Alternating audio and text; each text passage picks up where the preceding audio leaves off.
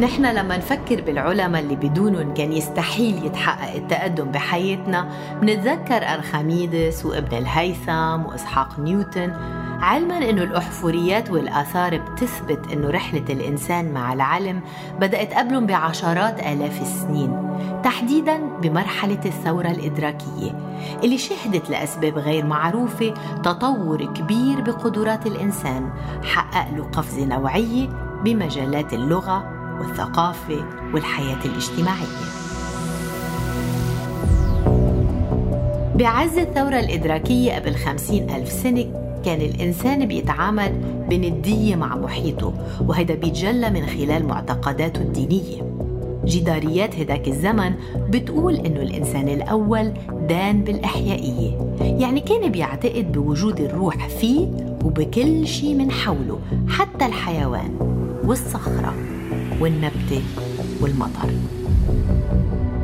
وبمرحلة ما قبل التاريخ المسجل يعني الزمن الأبعد من السبعة آلاف سنة الماضية ظهروا فنانين ومخترعين ومصنعين ما بنعرف أسماءهم ولا أشكالهم لكن علم الآثار وضع بين إيدينا أدلة على عظمتهم.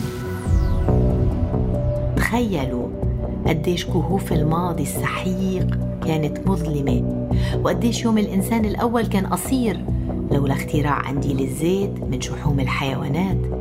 القنديل اللي أضاء وحشة الليل وجعل منه وقت للتأمل وللتفكير.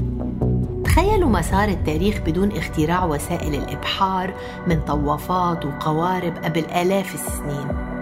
وإلا كيف وصل الإنسان وترك شواهد بقارة أستراليا بيعود تاريخها ل 45 ألف سنة خلف وتخيلوا مصير الإنسانية بدون الإبرة اللي كست أجدادنا وألبستهم الحذاء وحملتهم أغراضهم بحقائب ليرتحلوا ويستقروا بمناطق باردة ويتوسعوا فيها مع نهاية العصر الجليدي العصر اللي بنعتقد اليوم إنه التغير المناخي سبب بنهايته.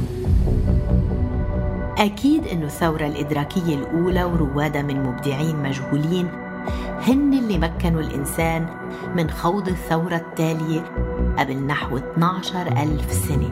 نعم الثورة الزراعية اللي شكلت محطة غيرت مسار الجنس البشري ومصيره إلى الأبد.